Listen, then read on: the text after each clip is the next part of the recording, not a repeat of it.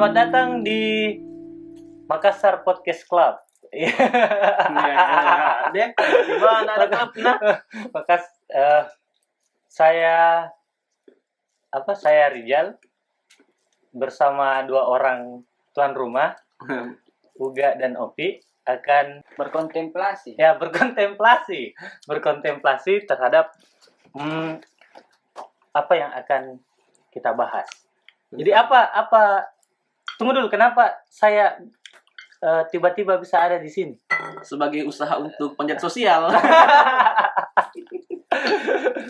Mau ki panjat sosial dulu ini bengki dulu supaya tenar tongki kesian. Hmm, Kita panjat ini- sosial sama eh, podcast yang tidak tidak terkenal. bisanya itu Oh. 100 followers sih Oh, Nek. serat lumayan itu Serat. Di, Dan- kan minimal seperduanya yang dengar Kan gitu. begitu Betul. memang orang kalau manjat dari bawah dulu tuh yang dibawa-bawa dulu. dan pendengarnya jelas tuh Iya. Hmm. Nggak, dibanding kita yang baru merintis nggak penting banyak anunya followersnya tapi tidak anu ki sound system tidak konsisten dengan kita toh. iya. Yang penting- Mending sedikit tapi basis di situ kuat. Basis. Ah, itu yang penting. kemudian intinya para parata Ini para parata. Jadi kalau podcast di Makassar sudah ada minimal 5, nanti bikin kopdar toh. kopdar Nah, nanti Bisa. bikin bikin eh, apa? Ngopi-ngopi lah atau ngamer-ngamer. Kamar Ngopi Oh, mau. bicara Iya. tentang masa masa depan podcast tuh Masa Iya. depan podcast di Masa kota depan. kota kita tercinta. menghadapi era globalisasi 4.0 Oh iya, jadi siapa tahu ada yang belum kenal tuh pendengar ini, pendengar podcast ini, para para tamu. Jadi saya Rijal dari podcast alumni teknik. Jadi di podcast alumni teknik itu ada dua orang, ada dua orang. Anda Ya. nggak tahu ada dua Ya. orang pe, eh, kontributornya, kontributor eh, penggeraknya. penggeraknya Yang satu lagi namanya Danti dan saya ke sini tanpa seizin Danti sebenarnya. jam ki bilang-bilang Oh, jam bilang-bilang. Dan kita dengar sendiri gitu. Iya. Kenapa tiba-tiba ada di sini? Ini? kan dia jadi su- surprise tuh. Oh, Ya, iya, dan iya. saya tahu kalau kita pasti minta izin pasti Tidak dilarang. Ki. Iya, Betul. itu. Jadi Tidak mau disaingi. terpaksa Tidak ini mau disayang. Hmm. kita culik Hmm. Kita culik, Bro. peristiwa rengas dan clock Dan enaknya di sini tidak seperti di podcast yang harus harus rasional. Rasional. Maksudnya di podcast kau tahu yang Hmm. podcast teknik karena bawa nama bawa nama jurusan harus Hmm. rasional, Wai, harus punya harus punya pesan sosial, Betul. bertujuan untuk mengubah isi kepala Wah. orang. Eh, di sini kan tidak gitu. Tidak, Eh, Ji. mak- sambil makan makan sambil makan makan kacang Ji. Santai saja. Iya, santai. karena di sini memang santai Santai. karena para parata ji Hmm. para parata mau Oh, saya Karena tidak semua orang bisa menangkap pahaman yang rasional. Oh. Hmm, jadi santai-santai Santai saja saja. bacot ji memang di sini Bacot. dibikin Jadi- Kasarnya memang. Jadi apa apa apa paling mau dibahas di sini? Itu kenapa kita undang Kita undang. Rijal.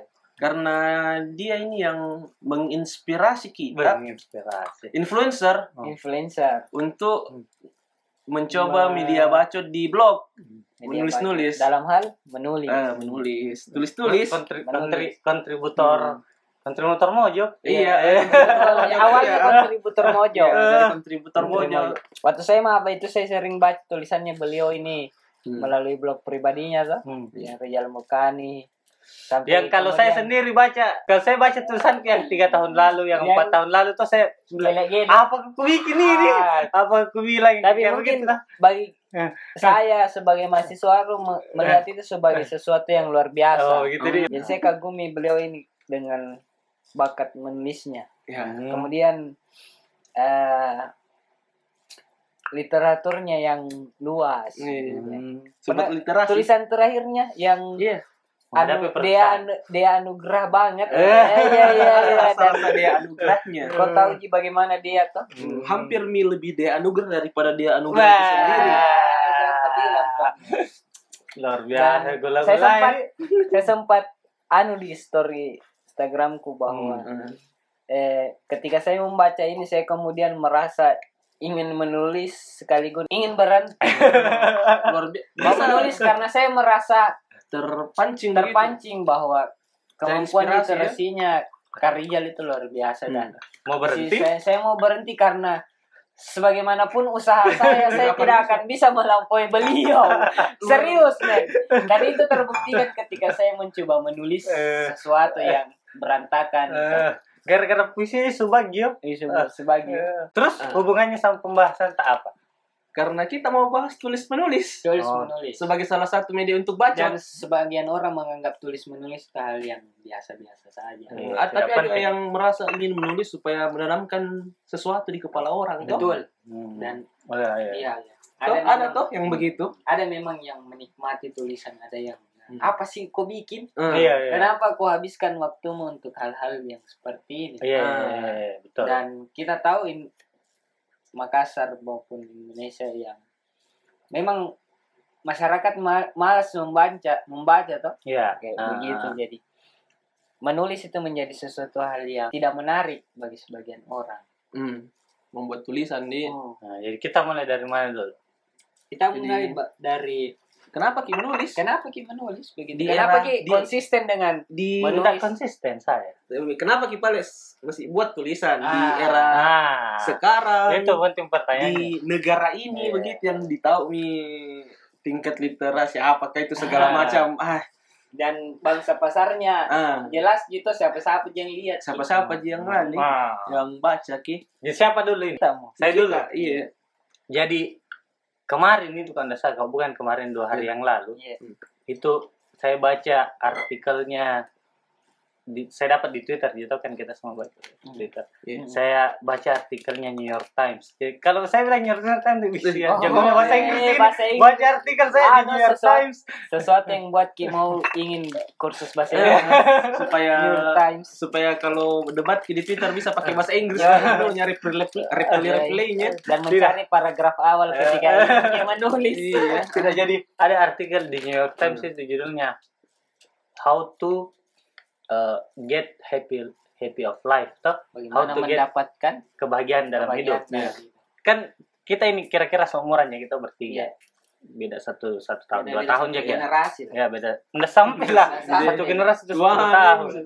Udah satu generasi jadi. Wah. Dan di di generasi kita itu ada satu isu itu yang paling sering disebut yang disebut sebagai quarter life crisis. Kuai- Kuarter krisis. Iya, krisis Iya, iya, iya. krisis perempat abad toh di mana di usia 20 Beda dengan ya, mi- 20 mi- sampai middle- 25 tahun. Middle life crisis. Quarter life crisis, quarter krisis seper- quarter seperempat.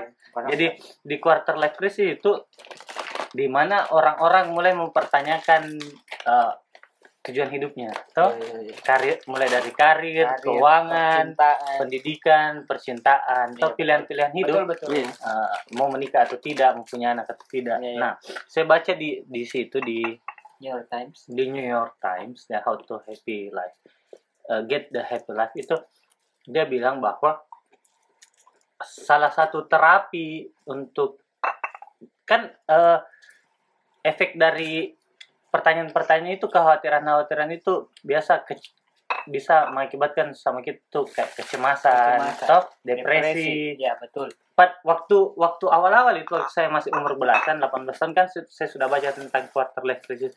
Bilang omong kosong ini yang bini-binian tuh Nah, bisa aja tuh ada begitu. Ya. Padahal waktu masih dibiayai kini hidup saya Ya, ya, sama ya. orang tua yang tidak pikir jadi tentang biaya hidup. Eh omong kosong ini Kosong. kita bilang ih pas pas sekarang itu oh ternyata memang eh, ku rasakan tuh oh ada memang yang begini-begini yang yang kayak kayak depresi kecemasan ya. Di tiba-tiba Dan pada hampir tiap hari. iya hampir tiap hari tiba-tiba pada satu pagi kayak nggak mau ki- bikin apa-apa mau jadi saya di tempat tidur toh Iya, kayak begitu toh Ya. Dia- pas saya baca itu dia bilang di penulis artikelnya saya lupa namanya perempuan itu Poppy siapa itu dia bilang eh, salah satu cara untuk mengurangi itu itu dengan cara eh, menulis, dia Menulis. bilang menulis toh menulis kayak buku harian Iya. Iya. buku harian tapi dengan cara dengan dua sudut pandang yang pertama itu eh, kita menulis dengan sudut pandang kita sendiri misalnya kita punya masalah masalah keuangan atau masalah, Masalah pribadi dia lah. Iya. masalah pribadi dia kita tulis dengan perspektifnya kita toh Iya. bahwa saya punya masalah ini begini begini begini begini kemudian yang kedua kita revisi tulisan tak dengan membayangkan bahwa Yang Kit- membaca. Kita sebagai pembaca Betul. ya, pembaca yang netral Iya, iya. maksudnya kita memposisikan kita sebagai teman yang ingin memberikan saran kepada Masukan, iya. masukan kepada orang yang mengalami ini Iya betul. Iya. Nah, jadi saya saya proses menulis gitu begitu Hmm. kalau misalnya baca yang tentang apa di yang misalnya tentang itu yang lebaran toh yang bertemu Dele dari Missouri ya Iya. kayak begitu toh yang itu toh kan pertama itu saya saya khawatir tentang keuanganku tentang karir karirku toh Iya. Saya saya saya pesimis dengan skill teknik sipilku ini. Iya, iya, toh iya. pesimis dengan teknik teknik tulisan skill teknik sipilku toh. Iya. baru saya baca artikel itu saya saya memposisikan diri sebagai orang lain toh yang yang yang baca kisah itu. Saya tulis ulang nih Ke- kebetul kebetulan misalnya saya pernah baca itu to, tokoh namanya Dele itu Dele Dele siapa itu yang dia tinggal di Missouri Iya. yang membahas tentang tentang itulah tentang tentang kekhawatiran kekhawatiran Iya. ya, kayak begitu nah, kayak begitu jadi sebenarnya tidak ada ji tidak ada ji tujuan khususku menulis jadi saya menulis untuk diri saya sendiri Iya. kayak misalnya tulisan terbarunya ini eh, penulis kesayangan kita bersama tuh di Saya anugerah. Iya, yang iya, kita iya. bilang dia bilang bahwa eh, banyak temannya yang banyak temannya yang suruh ki suruh ki Untuk tulis konsisten. terjemah konsisten pertama yang kedua terjemahkan ki Terjemahkan. tulisannya dalam bahasa Inggris bilang di anugerah mau ke apa terjemahkan apa? ki ini tulisanku Hmm. dalam bahasa Inggris kalau memang tujuannya untuk mengubah isi kepala orang kepala orang seharusnya tulisan-tulisan yang sebelumnya yang sudah ada kayak Karl. Marx dan lain-lain itu sudah bisa mengubah isi kepalanya betul orang Iya. dan tidak butuh nih tulisanku. Ah, Nah, yes. Jadi kalau saya pribadi ketika dihadapkan kepada pertanyaan kenapa saya masih menulis, eh, saya menulis untuk terapi, terapi, Sebagai terapi, terapi. sebagai terapi gitu terhadap diri sendiri dan Oh, iya. dan dan memang misalnya kalau kayak misalnya itu tulisanku yang terakhir yang menghadapi perpisahan toh Iya. saya saya baca satu minggu kemudian saya kaget sendiri kaget sendiri kak wih kenapa ternyata Kak? pernah kak menulis yang kayak begini Wih, iya, Eh, iya, iya, kayak iya, begitu iya, iya. Karena saya posisikan diriku sebagai orang lain pada saat Iya. saya saya revisi Bacanya. revisi Iya. tulisanku yang kedua kali toh udah uh ternyata pernah kak menulis yang kayak begini dan oh iya tahu yang maksudku maksudku yang ketika saya baca bilang ih bisa bisa aku berpikir begini waktu Iya. kayak kayak misalnya agak depresi mungkin baru Iya. cemas gitu bilang ih pernah aja apa yang berpikir begini yang Hmm. kayak bilang eh yang saya bilang bilang eh, se sebusuk busuk apa pun hidup toh semua orang itu paria terhadap hidupnya masing-masing toh. Iya, iya, Ya, iya. semua orang punya kehidupan pahit masing-masing. Dan Iya. saya punya beberapa beberapa nomor di kontak HP ku yang siap direpotkan sama hidupku. Betul. Hmm. kayak begitu toh karena semua orang punya teman. Iya. jadi sempat oh ternyata pernah ya menulis begini. Jadi untuk terapi aja sendiri. Kayak begitu. Lebih ke pribadi. Heeh, pribadi Ji. dan tidak berpikir ya untuk ke orang siapa baca. yang baca Mm-mm. Iya. ya wala- walaupun ketika tulisan terakhir yang menghadapi kecemasan ada teman SMA ku yang tidak tahu kak bilang saya hobi menulis ini kira-kira langsung ki tiba-tiba respon Ah, tidak tiba-tiba pasang status di WA-nya bilang apa motiva apa eh, Monday motivation baru nah screenshot ki tulisan Wih, di- di- ternyata ada yang baca kini ada, baru- iya, baru- iya. maksud teman SMA luar ki- biasa diapresiasi Iya. anu tadi tem- teman SMA ku dan dia tidak tahu bahwa saya ini eh, orang yang gemar menulis. suka bukan gemar sih bisa lah toh? Bisa, bisa. bisa menulis. Dia tidak tahu aja dia tidak tahu aja kehidupanku di masa SMA dan kan ku- tapi kan memang kupasang di bio itu website tulisan Iya. toh website anu. Dan nah, nah screenshot aja nah, Monday motivation baru nah, nah screenshot itu yang paragraf. Tapi itu juga sebagai salah satu dorongan gitu maksudku. Ternyata selain untuk untuk apa namanya eh, terapi terhadap terapi. terapi terhadap diriku ternyata eh, dia motivasi motivasi juga untuk orang lain tapi iya. walaupun saya kembali lagi Kalau saya bilang tadi pernah kalau kayak- penulis penulis kesayangan kita bersama kan bilang tidak bermaksudnya untuk Iya. mengubah isi kalau kepalanya orang begitu kayak Betul, semacam merayakan Kalaupun ada ada dirayakan ya, ada biasa. iya Kayak ada ada sesuatu yang dirayakan Ada sesuatu. bagi kita kan? Iya. di era yang kurang nyanyi apa yang Ah. bisa mau dirayakan toh ya begitu Oh, itu dari saya tuh sekarang kan kalian berdua nah ini kalian berdua belakangan bikin blog masing-masing terus Ya. setelah saya bikin blog hmm.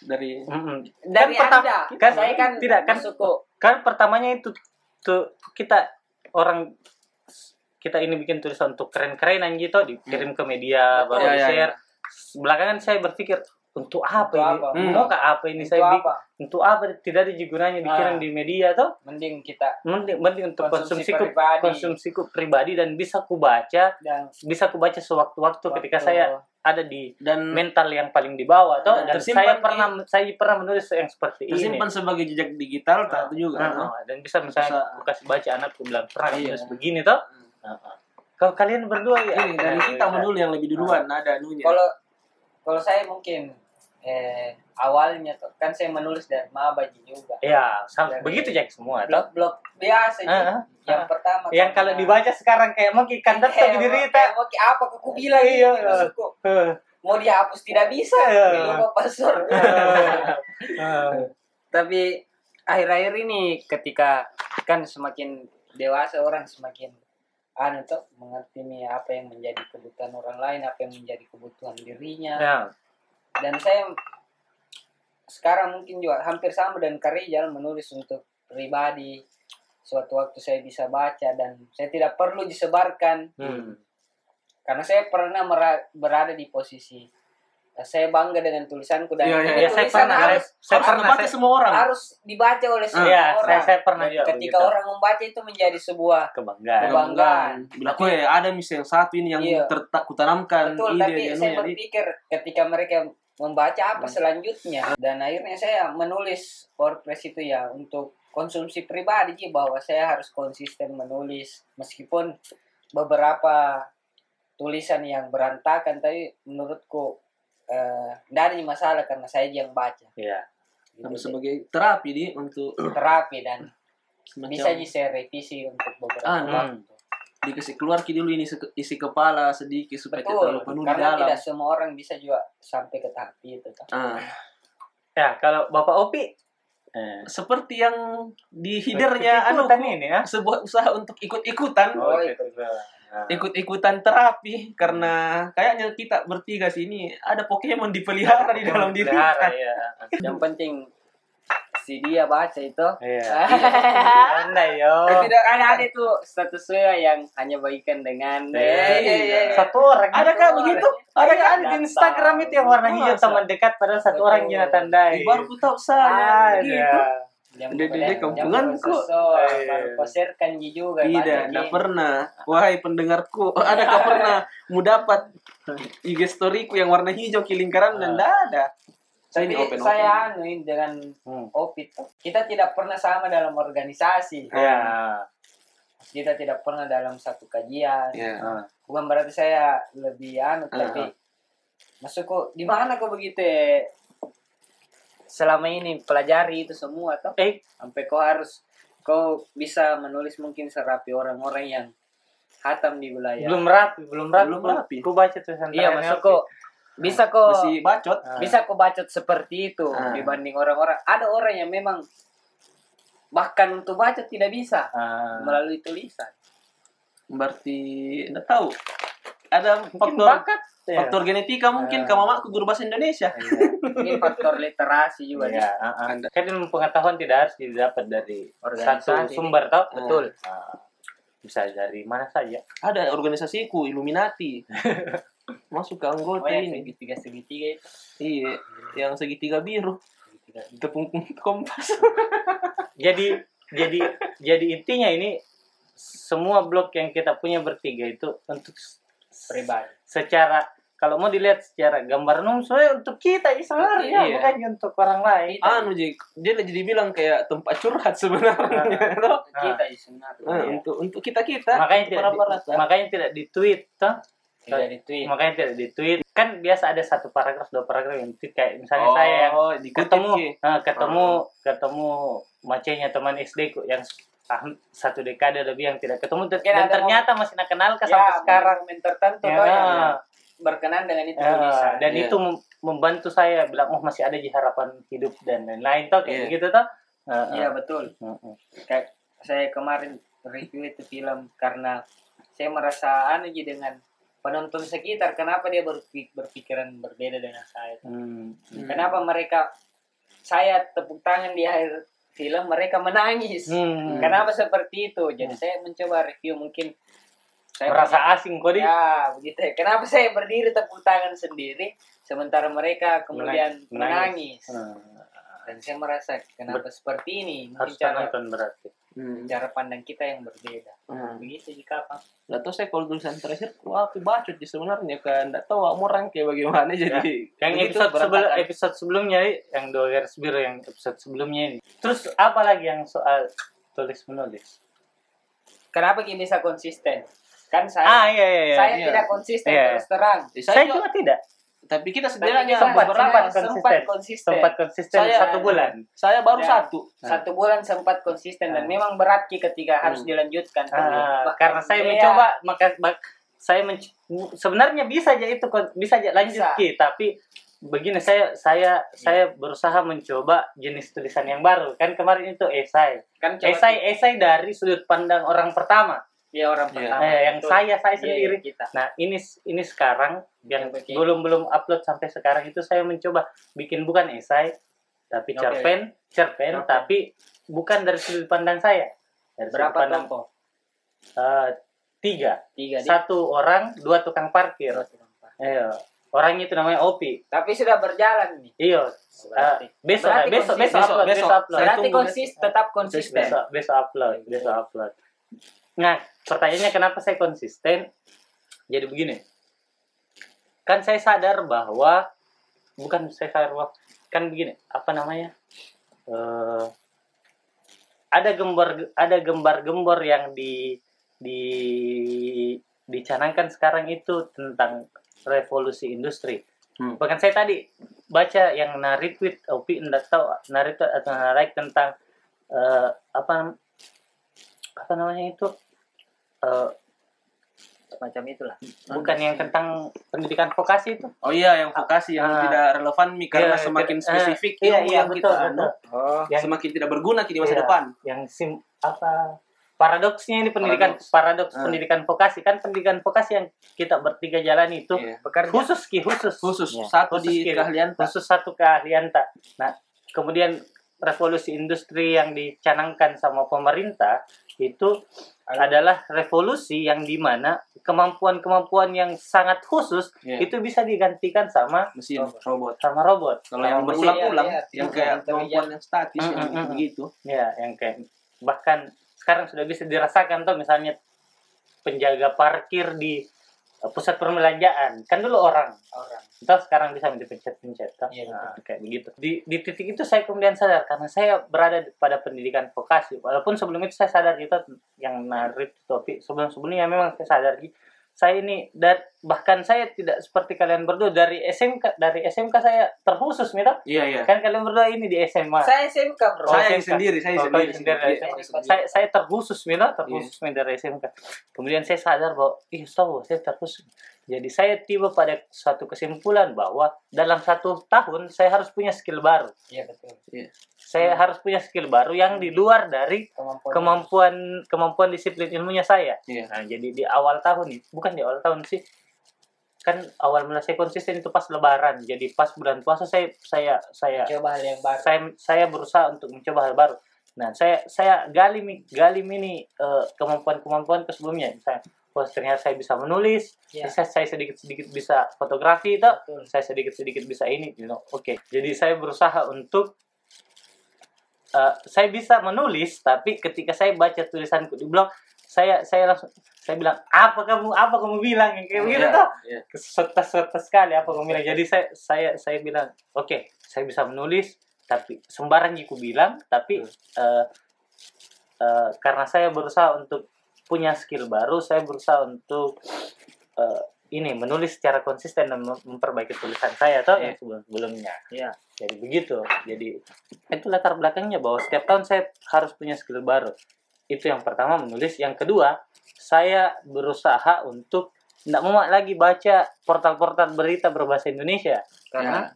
mau Ki, belajar bahasa Maka Inggris belajar bahasa Inggris. ya ya ya, ya. kenapa dengan kenapa dengan portal Tidak Tidak ada? Ji. tidak ada Ji, masalah Oh, tidak portal berita bahasa Indonesia. menambah literatur Iya. Yang yang Belajar saya yang yang, sa- di yang saya dorong itu untuk diriku bahwa kemudian saya saya saya follow itu yang kayak New York Times, iya iya apalagi BBC yang kayak gitu Hmm. The Guardian. Walaupun walaupun sebenarnya kalau artikel-artikel panjang saya baca setengah capek mak. Ah. Capek gitu ah, nah, apa yang ku baca Iya. Ah, itu itu artikel terpanjang yang ku baca itu yang yang tadi yang how to get uh, How happy life toh how iya, to get happy life. Itu itu artikel terpanjang ada 2000 kata New itu York Times sih New York Times dan itu panjang sekali.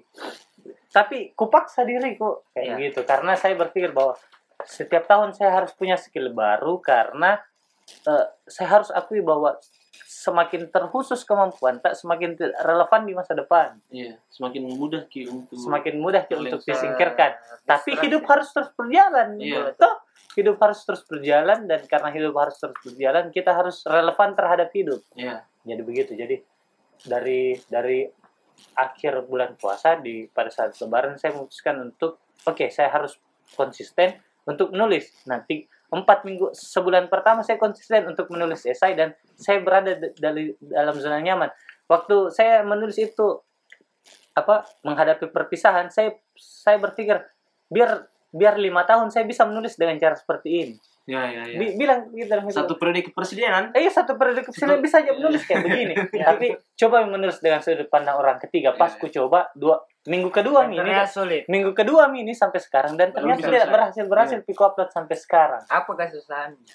Kesusahannya karena saya berusaha saya berusaha untuk ini kan kalau kalau kalau sudut pandang orang pertama itu bisa ditarik ke mana-mana, Bisa. bisa ditarik ke Ya, ke pengalaman-pengalaman Iya, pribadi betul, betul. toh? Iya. Tapi coba mi sudut pandang orang sudut pandang orang ketiga karena kita tidak mengalami apa yang dirasakan Harus sama yang tokoh. Karakter Ya, baru. iya, ya, harus berjarak dengan dengan pemeran tokoh ini toh. Iya. Jadi tidak bisa ditarik ke mana-mana harus ki fokus terhadap eh, ter- terhadap plot cerita. Iya. Kayak misalnya, tapi kalau sudut pandang orang pertama saya bisa tarik-tarik misalnya Bisa, ke pertemuanku sama alami- alami, ke, toh. iya pertemuanku sama Sabda Armandio bisa ke, tarik ke eh, konflik konflik eh, konfliknya di Ablam Iya. tentang penggusuran Betul. tuh bisa ke, tarik ke puisinya Subagio Sastrowardoyo sembarang gitu tertarik karena saya yang alami Iya, kita, iya. Nah, tapi su- sudut pandang orang ketiga tidak bisa karena itu di. Heeh, karena kita memosisikan diri sebagai mata kamera aja saja Iya. Tuh, mata kamera yang melihat ini melihat kejadian. Kayak begitu. Jadi ketika saya misalnya ketika saya ini eh, upload itu yang tulisan terakhir bilang "Ini tidak bisa kayak begini terus. Kayak begitu. Saya harus coba saya harus coba yang kayak Anu, lainnya. Kayak begitu. Keluar walaupun dari- saya sendiri yang baca Harus ini. selalu mencoba keluar dari zona nyaman. iya heeh, heeh. Atau kar- karena mungkin punya ki misalnya eh, penulis penulis idola tuh yang berada di tingkatan yang ingin kita capai. itu Kan- muluk kan muluk muluk ki- sekali tuh muluk sempat- muluk sekali Sempat ki ku dengar bilang mau ki menulis di sini, mau ki jadi karyawan ini toh, mau ki Iya iya. Setelah kita- mendaftar di asumsi. ah setelah kita resign dari sini mau ki begini di jadi kemampuan menulis teh itu ser- mau ki asa atau Hmm. bagaimana? Tapi saya tiba pada satu kesimpulan bahwa kemampuan menulis ini tidak bisa menghidupi kak. Begitu. Heeh. Dan saya dan yang bisa hidupi kak itu kemampuan disiplin ilmu kok kan. pada 2-3 tahun terakhir pada 2-3 tahun ke depan. Iya. Toh, Iya, nggak tahu kalau tahun-tahun berikutnya itu ketika ada yang bisa gantikan ki iya. kayak begitu. Nah, jadi saya mencoba itu mis, eh, saya mencoba mi eksperimen tulisan yang baru. Kan yang kita temui bertiga di MUF itu tulisan apa novela terakhirnya Sa- Sabda Armandio kalau misalnya Bukan baca sangat-sangat bukan Sabda Armandio Bukan, itu. bukan. Toh kalau misalnya ndak Nutogi bilang tulisin itu novel novela adalah ditulis Sabda ditulis oleh Sabda Armandio kok tidak tahu Hmm. kok tidak tahu bilang Siapa siapa, penulisnya ini iya. karena kalau membandingkan ki sama Gaspar, atau Gaspar, kamu, kamu. itu beda sekali ki yang rewel iya yang rewel yang pandang orang pertama Iya. saya coba saya coba pendek- pendekatan itu kayak begitu jadi saya mencoba konsisten ya mudah-mudahan besok bisa Ya, di-upload mudah-mudahan berhasil Heeh, Ya, heeh. dan kita orang yang pertama akan membacanya Hmm. dan merepostnya. Ya. Iya. Perlu di repost Perlu. nggak perlu nggak perlu Harus. Iya. Kalau kami tulis- perlu. tulisan karena bagus itu harus disebar. sebuah kebanggaan toh Hmm. karena kita dekat dengan orang yang menulis. Iya. Nah, gitu Kayak begitu Ji. Semoga dapat barakak-barakaknya begitu. Betul, Dan orang memang harus nah itu sa- itu saya nah sekarang ini kalian berdua kan sudah upload tulisan pertama Hmm. apakah punya punya tujuan yang sama untuk konsi- kons- konsisten atau tidak kalau iya. eh, Mencoba kayak ini tuh hari apa dulu kau upload tulisanku? Malam minggu deh. Enggak tahu kenapa saya kok Ya, hari minggu deh kalau tidak salah. Eh malam minggu. Kalau saya Malam minggu loh. Jadi saya nanti konsisten karena berarti tidak ada gue bikin kalau malam minggu. harus kok. Jadi harus malam minggu lah paling tidak. kan saya malam Senin saya saya ada ada ada ada Agenda, ya? ada tujuanku Ah, ada agenda tersendiri untuk upload malam Senin ah, kan besoknya Senin ya. jadi minimal itu Senin kan biasa saya upload jam 2 atau jam 3 Iya. minimal itu saya kan paling minimal itu saya baca ulang itu tulisan dan tulisan-tulisanku sebelumnya itu kayak kayak terapi terhadap ini mental illness toh Iya. ten- tentang ini depresi-depresi Iya. jadi minimal kan besoknya itu Senin jadi ketika saya baca tulisanku itu minimal sekali saya dapat suntikan suntikan semangat untuk eh, masuk kantor besoknya Nah. jadi makanya saya upload minggu Seninnya Kalau saya Bapak tidak harus di rutin momentum Rata-rata orang yang menulis itu sakit-sakit mental. iya sakit mental. Dan- tapi tapi itu menarik maksudku itu menariknya kegiatan menulis karena kita tahu bahwa rata-rata penulis kan kita bertiga bukan penulis bukan bukan penulis toh Pembaca jadi kita bertiga pembaca. Eh, buruh konstruksi toh kita bertiga lepas. buruh harian lepas buruh konstruksi kita tahu bahwa bukan kisah tahu ya tapi kan waktu MUF pernah kita ketemu sama penulis Iya. yang cukup terkenal beberapa kali. beberapa kali dan dari pengalaman tak itu kita tahu bahwa setiap penulis sebenarnya but punya masalah mental masing-masing toh Iya. kan Sabda Armandio kemarin bilang bahwa tidak bisa tidur kalau tidak mabuk gitu. dia Iya. bilang begitu toh Ah, kita tahu bahwa itu tapi di sisi lain ketika kita mencoba menulis kita tahu bahwa ternyata kegiatan menulis itu bisa jadi terapi hmm, untuk tidurnya nyenyak Iya. untuk untuk minimal jadi suntikan semangat bisa masuk kantor besok harinya Iya. Atau itu ah sekedar melepaskan ada apa melepaskan dalam kepala atau melepaskan pen- penat di dalam kepala supaya tidak Iya. terlalu penuh ke di dalam. Iya, karena mbaknya mungkin tidak mau baca tulisan tak, minimal kita sendiri toh, kayak Iya. gitu. Ah, yang penting sudah kutulis Yang penting sudah kutulis, yang penting sudah kutulis. yang penting ada yang sudah kutulis Nah. begini, ya mau bagus mau tidak. Terserah orang membaca tidak Iya. urusannya Iya, iya, iya. Kok tidak suka atau tidak Iya, yang penting Itu saya itu paradoksnya kita nulis di. Iya. Iya. Menarik ini. Benar, Di- benar. dan orang harus tahu Di judulnya nanti ini podcast menulis dan mental illness. nah judulnya di iya tahu Eh, iya toh sebagai media terapi. Hmm. Tapi ada yang menarik itu kan kemarin saya sudah beli buku murah tuh buku bazar judulnya itu matinya burung-burung. Matinya burung-burung. Belum matinya burung-burung. Jadi di dalamnya itu flash fiction namanya. Mini fiksi oh iya. Jadi kayak cerpen tapi cerpen mini. Iya. so se- sekitar paling paling banyak itu 500 kata Bukan cerpen cermin, cerita mini. cerita mini mi- flash fiction tuh yang ditulis sama penulis-penulis Amerika. Amerika Latin, Latin iya. yang berapa itu favorit yang kayak Bolano kayak Mark Gabriel Garcia Marquez kayak Gabo di. Gab, kayak Gabo tuh Bolano Gabo ada dari situ juga saya punya pu- favorit baru namanya Maria siapa itu penulis Argentina di kata pengantarnya itu ada menarik Hmm. dia di ditulis sama penerjemahnya tuh Roni Agustinus yang dari Indo Progress dia bilang progres "Mm-mm." dia bilang eh, kan orang-orang sekarang itu eh, di kehidupannya sama kehidupannya orang sekarang semakin cepat. Toh Sem- semua itu terburu-buru toh. Pernah bilang Zizi toh. Hmm, yang iya. Zizi semakin orang itu terburu-buru. Makanya tulisan-tulisan yang kayak mini fiksi itu semakin menemukan eh, kerelevanannya nah bilang itu Reni Hmm. Agustinus.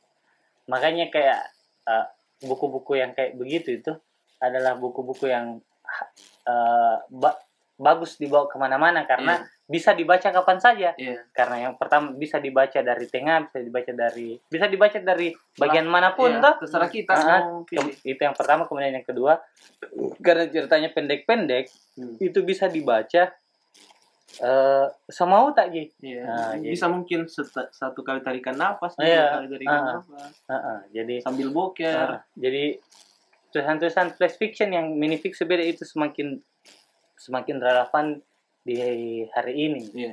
kayak begitu tapi sulit kayak itu saya kan begini di dalam cerita itu yang pertama dia harus punya tokoh Ya. toh yang kedua dia harus punya konflik konflik toh yang ketiga dia harus punya plot ketika itu Iya. dimampatkan dalam satu paragraf atau dua paragraf itu susah Iya. Susah, kan? harus, harus punya momennya masing-masing iya dan harus punya keterampilan yang keterampilan yang anu yang keterampilan penulis yang Yang baik cara tak tempatkan ki supaya dalam Mm-mm. se- sedikitnya dia anu dalam dalam dalam sa- satu paragraf dan maksimal dua paragraf bisa mencakup Iya. mencakup itu semua Iya. toh Iya. pentingnya untuk diri kita sendiri dan orang tidak perlu. Sebagai bagi-bagi pendengarnya ini podcast para para tak mau. Hmm. Coba-coba Silakan menulis. Iya. Coba. Jangan dulu di blog. Jangan, ja- jangan Insta story mau dulu atau Oh. caption IG. dan Ya. jangan mi untuk orang lain. Iya. Kayak Coba. begitu tadi. Saya bahkan ketika saya baca tulisanku yang ke, yang satu minggu lalu dua minggu lalu kaget sendiri kata, ih ternyata pernah kak Paing bilang begini. Dan kalau kita Nah, disuruh ulangi tidak bisa. nggak bisa, nggak bisa ke saya. Kan maksudnya menulis secara sans Nah, aja. nah. Kesimpulannya, Kesimpulannya adalah eh, kalau saya, saya dulu. iya kita mau semua sepenuhnya. Oh sepenuhnya. Ada juga kita tahu Pak. Mungkin Nanti kita kan penutup saja. Ah. Salam. Jadi kalau saya begini, Hmm, karena saya menggunakan media tulisan sebagai media terapi, toh media terapi. Mungkin setiap orang punya punya persoalannya masing-masing, toh. Kayak di tulisan tuh bilang setiap kita adalah varia dalam hidup masing-masing, toh. Ada punya pahitnya masing-masing. Jadi eh, terserah apa yang dilakukan. Kalau misalnya mencoba menulis bisa membantu dia dalam anu dia dalam hidupnya. Saya pernah tweet kemarin begini, bilang eh, hidup eh, sekedar hidup dari sekedar hidup dari Senin ke Selasa saja itu sudah melelahkan. Iya, ini betul. sempat sempatnya orang ini urusi pilpres. Saya tuh. baca. Ya, kayak begitu tuh, ya, Ya. begitu. Jadi coba sayangilah dirinya sendiri dengan dengan caranya masing-masing. Nah, kalau saya begitu, Ji. Tahu tahu kalian berdua. Menulislah sebelum menulis itu dilarang. Oh, Apa sih? karena ada nih pengawas Kak. buku. Iya, dari- kejaksaan bikin pengawasan buku. Tapi buku Ji, kalau blog tidak. Eh, tapi kan ya menulislah sebelum menulis jangan sampai buku dulu masuk di betul masuk nanti status Facebook, masuk di kan ada yang lagi undang-undang ITE. Wah. Nah, berarti tugasnya mini podcast untuk menyuarakan. tak? Ya, jadi menulislah sebelum menulis itu dilarang. Bacotlah sebelum baca itu dilarang, toh? Ya. Kalau Uga apa? Ji kalau saya. Gitu. Oh, ya tahu. Jadi, Gitu. seles mini Kita akhirin saja. bungkus. Ah, terus. Jadi kita bungkus mini, Di. Ya. Selamat eh, selamat Jadi sampai- selamat apa?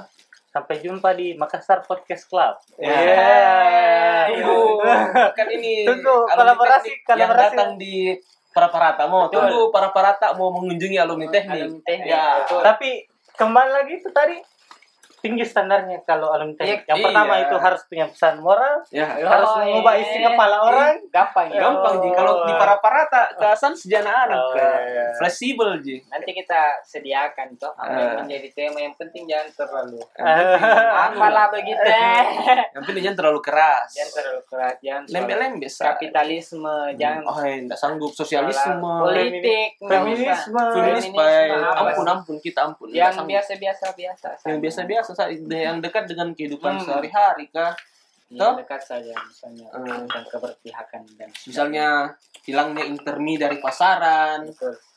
Infrastruktur. eh jauh itu mengawang-awang yang tapi dekat-dekat kan orang anak teknik kok Pilwal kok. yang dekat-dekat dengan kita sederhana mau tentang yang apakah. Hmm, yang harga rokok ditunggu lima puluh ribu ndak jadi-jadi yang Iya, begitu itu saja kan Pemindahan ibu kota. kota pokoknya kalau kita diundang yang tren-tren di medsos saja Oh iya. Di- Siap. Jangan terlalu dibebani lah iya karena kita ini tidak tidak terlalu iya Yang tidak, yang tidak perlu di briefing. karena beban hidup ini sudah berat Iya, yang berat. hidup, Tambah lagi. sekedar hidup dari Senin ke Selasa Iya. saya sudah berat tuh. Iya. Sempat-sempatnya Ditambah ngurusi lagi pilpres. sempat-sempatnya lagi mau anu bahas podcast yang harus ada pesan moralnya Ya. kita jadi udah sanggup jadi sudah mi sudah nih. Eh, kita bungkus buku. misu misu